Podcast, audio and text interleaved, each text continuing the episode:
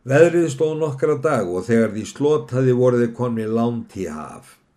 Ólafur var á góðum bathafegi og styrtist aukslinn dag frá degi enda hafði skipherra aldrei verið honu jafn ákvæmur og þann tíma en jafn orðfár og alvöru gefin sem fyrr.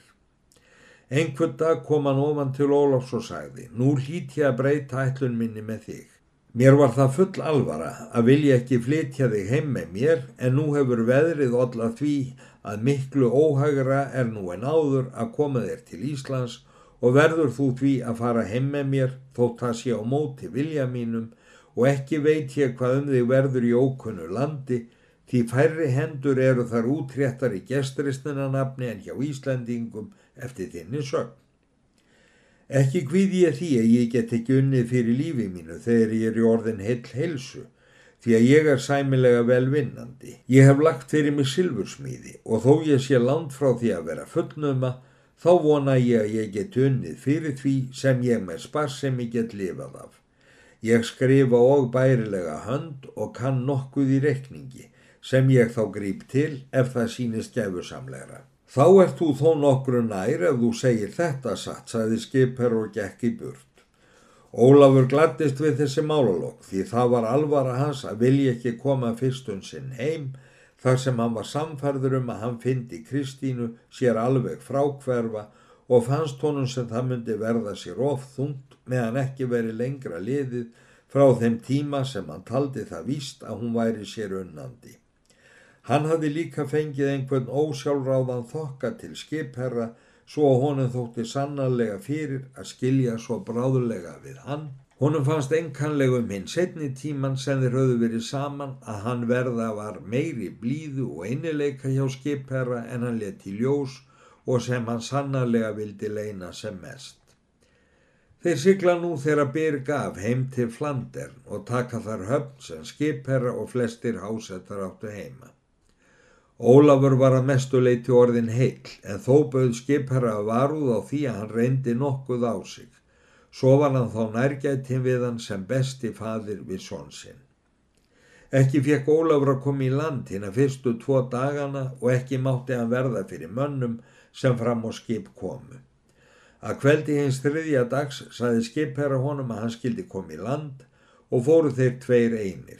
Það þóttist hann sjá að hann veldi þau stræti sem minnst var mannaferðum. Um síðir koma þeirra stóru húsi. Ekki gatt Ólafur séð hvernig það leitt út því að dimt var orðið, þó þóttist hann svo mikið geta séð að það myndi hið skrautlegasta.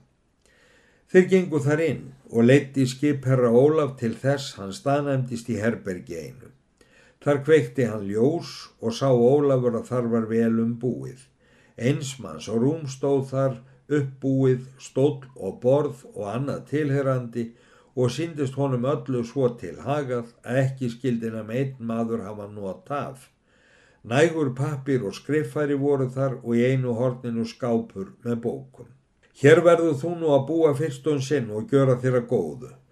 Aðrar dyr en þær sem við gengum innum eru hins vegar á húsinu og skal ég á morgun sína þér þá leið sem þar liggur. Þar getur þú gengið út í gardin þegar þið líst en ekki vilja að þú gangir út á strætið svo ég ekki viti að svo komlu.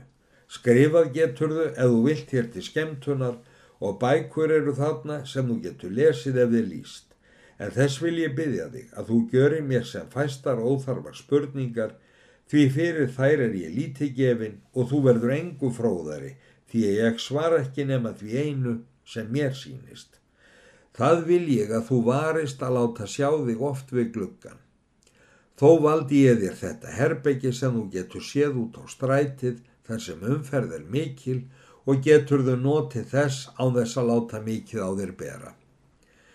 Þessu játar Ólafur og þótti honum þó nokkuð kynlegt að hann myndi í bráð geta unnað hagsínum gjörði hann sér vonum úr því sem ráðið var.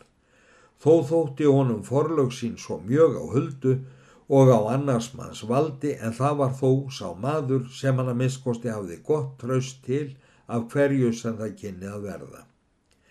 Littlu eftir að skipherra var gengin burtu kom inn konan okkur roskin og færði Ólafi mat og bjór.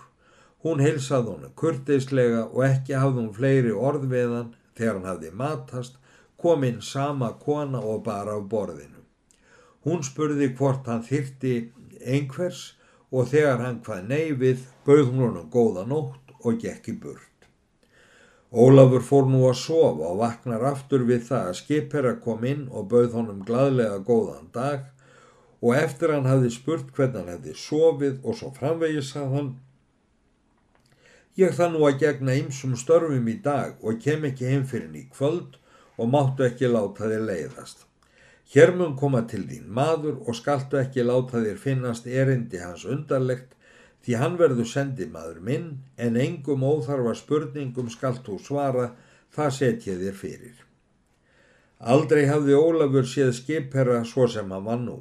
Hann var með gladlegasta móti og svo velbúin að það somdi hverjum herramanni og síndist Ólafi búningur hans þó líkastur því sem hann, eftir því sem hann hafði eitt líst, ímyndaði sér að þeir menn hefðu sem eitthvað væru við herrþjónustu. Hinn sama kona færiði Ólafi matum morgunin og var hún ekki orðfleiri en kvöld, unnum kvöldið. Littlu eftir það kom til hans maður. Hann heilsað honum kurteislega og tók að mæla hann allan á lengd og breytt og ringin í kring. Það þótti Ólafi kynlegt og skildi ekki í hvað það ætti að þýða. En eftir að maðurinn sem fór eins þegjand og hann kom var farinn, fór hann að gjöra sér ímsar getur um það og myndist þess þá að hann hafði heilt getið um að skrattarar tækju málamönnum þegar ætluði að snýða þeim fatnað.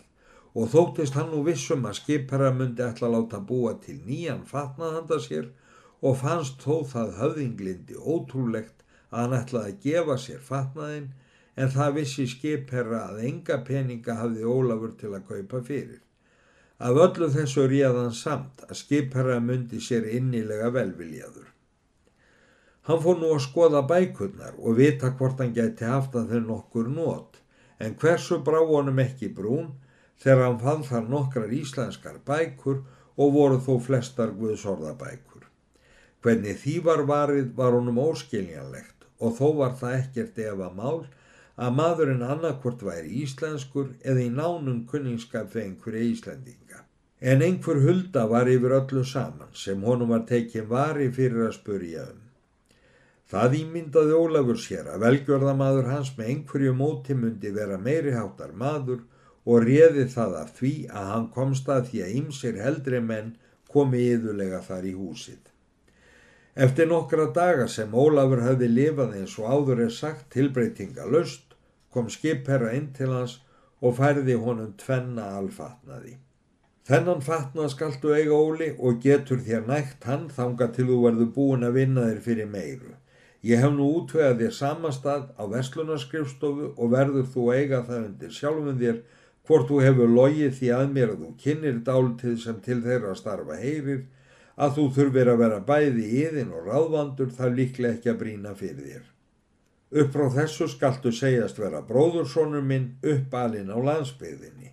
Mig skaltu kalla lautinant Max og sjálfan þig Óle Max.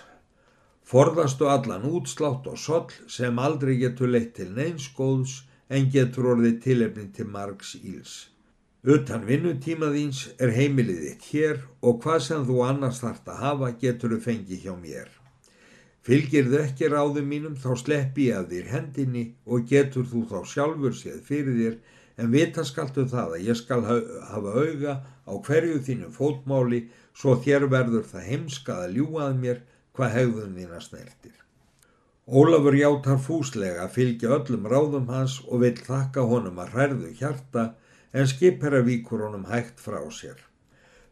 Þökk þína í verkinu virði ég mikils en orðin tómi einski saðan og gengur út. Eftir þetta kemst Ólafur á skrifstofuna og fellur honum þar vel. Hann þykir hinn laglegast í skrifari og ávinnur sér bráðlega hilli bæði húsbanda sinna og með þjóna. Ekkert brá hann út að lögmálið því sem honum var svo stránglega sett. Tíma þann sem honum var afgangs og skrifstofustörfum brúkaði hann til að æfa sér í þallendu máli og fleiri greinum og lagði Max mikla alúð við að segja honum til og fann Óli að hann var viturmaður og vel að sér. Þannig liður nú nokkri tímar fyrir Óla og varð hann vel fær í bókfærslu og öðru störfum sem til verslunar heyra. Ekki er þess getið að lautinant Max færi til Íslands í fiskveðar næstu sömur.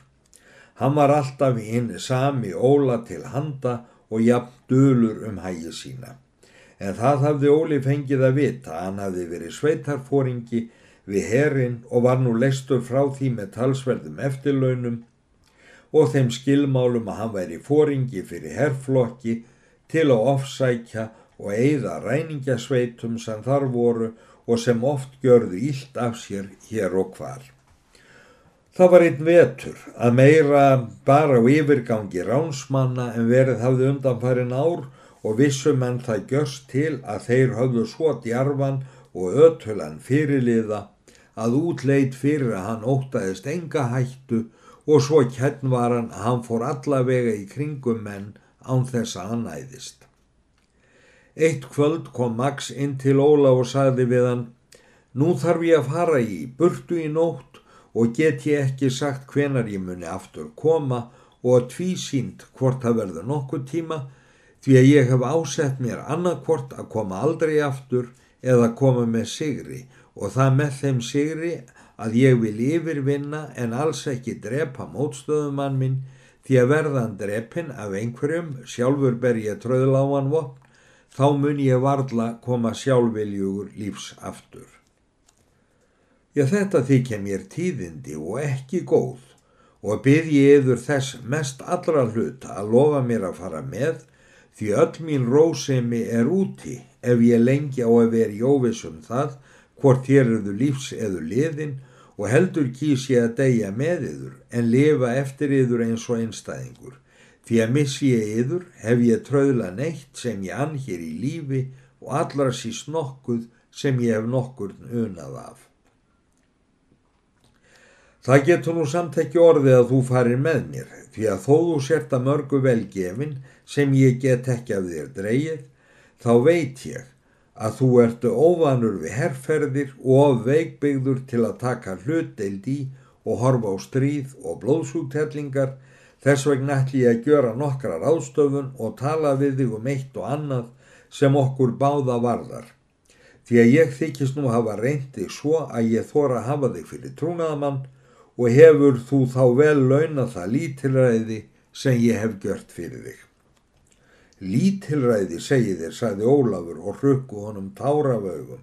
Ekki veit ég hvort þér hafi nokkra orsök til að bregða mér um hugleysi því að þó þér hafi ekki séð mig í stríði eður við blóðsúthellingar þá get ég ekki annað en myndiður á það að ég hef verið stattur í nokkuri hættu síðan við komum saman og segi nú sjálfur til hvort ég þá hafi sínt nokkuð bleiðiskap. Satt er það óli að knálega fóstir þegar þú bjargaði skipfyrir mínum og þurfti til þess bæði hug og snarræði og ekki síður síndist mér þú ekki hermanlegur áður því ég sá ekki betur en þú tárfeldir þegar ég fór að tala um stríð og blóð. Það verði þér nú að verða eins og þið sínist, hvort það hefur verið á hræðslu eður öðrum tilfinningum. Ég hef ekki það ég til veit verið yfir ólíðin hinga til og var það skilda mín, en það segi ég þú satt að nú verði ég það, því að fá ég ekki að fara með, þá megið reyga það víst að ég kem á eftir og hætt ekki fyrir ég finniður annarkvört lifandi eður liðin og mér er það fullkomið spursmál hvort allir yðan menn skjóta betur af byssu en ég. Fast sækir þú þetta óli og í fyrsta sinn er það að ég heyriði raupa, saði Max og brosti við. Ég held það sé þó best að þú farir með. Ég þarf að fara að láta þá á skrifstofinni vita að mín sé ekki von á morgun. Það ómak er ég búin að taka að þér því ég átti von á því að þú myndi sækja fast eftir þessu eins og raunin varð á. Þér eru þá nokkuð undarlegu maður, sagði Óli og hýrnaði nú heldur yfir honum. Þeir búast nú til ferðar og fekk Max Óla bissu og sverð og annað sem þurfti. Hann hafði nú sendt sína menn áður í skógin og skipaði þeim að býða þar til þess hann kæmi sjálfur og segði þeim nákvæmlega fyrir hvernig þeir skildu haga sér. Þeir frændur, svo er nú óhætt að nefna þá eftir fyrirlægi Max, fóru þá tveir einir þanga til þeir kom í skógin. Hitti fyrirliðin þar menn sína og sagði þeim hvernig þeir skildu haga fyrir sátinni. Sjálfur fór hann með óla á hæðun okkra þar sem skóur var mikill. Klifruðust þeir hátt í tréitt og gáttu þeir falið sér í toppi trésins og þaðan séð við svegar án þess að þeir sæjust sjálfur. Hér skulum við nú láta fyrir berast um sinn, tók Max til orða, eftir að þeir höfðu komið sér haganlega fyrir í limu meikarinnar. Nú getum við eftir vill eitthvað séð til ferðaræningahöfðingjans því þess hafa menn orði varir að hann gengur sjálfur á njóst og það svo djarflega að hann hefur sérst um daga einsamall. En svo hefur hann þó verið var um sig að aldrei hefur tekist að grípa hann og ógerðla vita menn hversu stóran flokkan hefur. Nú skulum við býða hér og vita hvort við verðum einski svarir, en þess bygg ég þig að verða ekki á veiði bráður og máttu ekki skjóta fyrir en ég segi þér, en á meðan við sitjum hér og ekkert ber til tíðinda ætla ég að segja þér æfisögum mína. Hanna hef ég þó engum sagt fyrr, en ég sagði þér að ég hef fengið það tröst til þín að ég þyrði að hafa þig fyrir trúnaðamann. Vera má og þú hittir sjálfan þig fyrir ef þú bregðu trúnaði við mig. Það mun ég tröðla að gjöra en þó er yfir best að segja mér það eitt sem þér þykir sjálfum hættulust að ég viti ef þér er ekki meir en svo trúið mér. Ég hef nú ásett mér að segja þér það sem ég sínist og þart þú engin ráð að kenna mér og þegiðu því á meðan ég segi.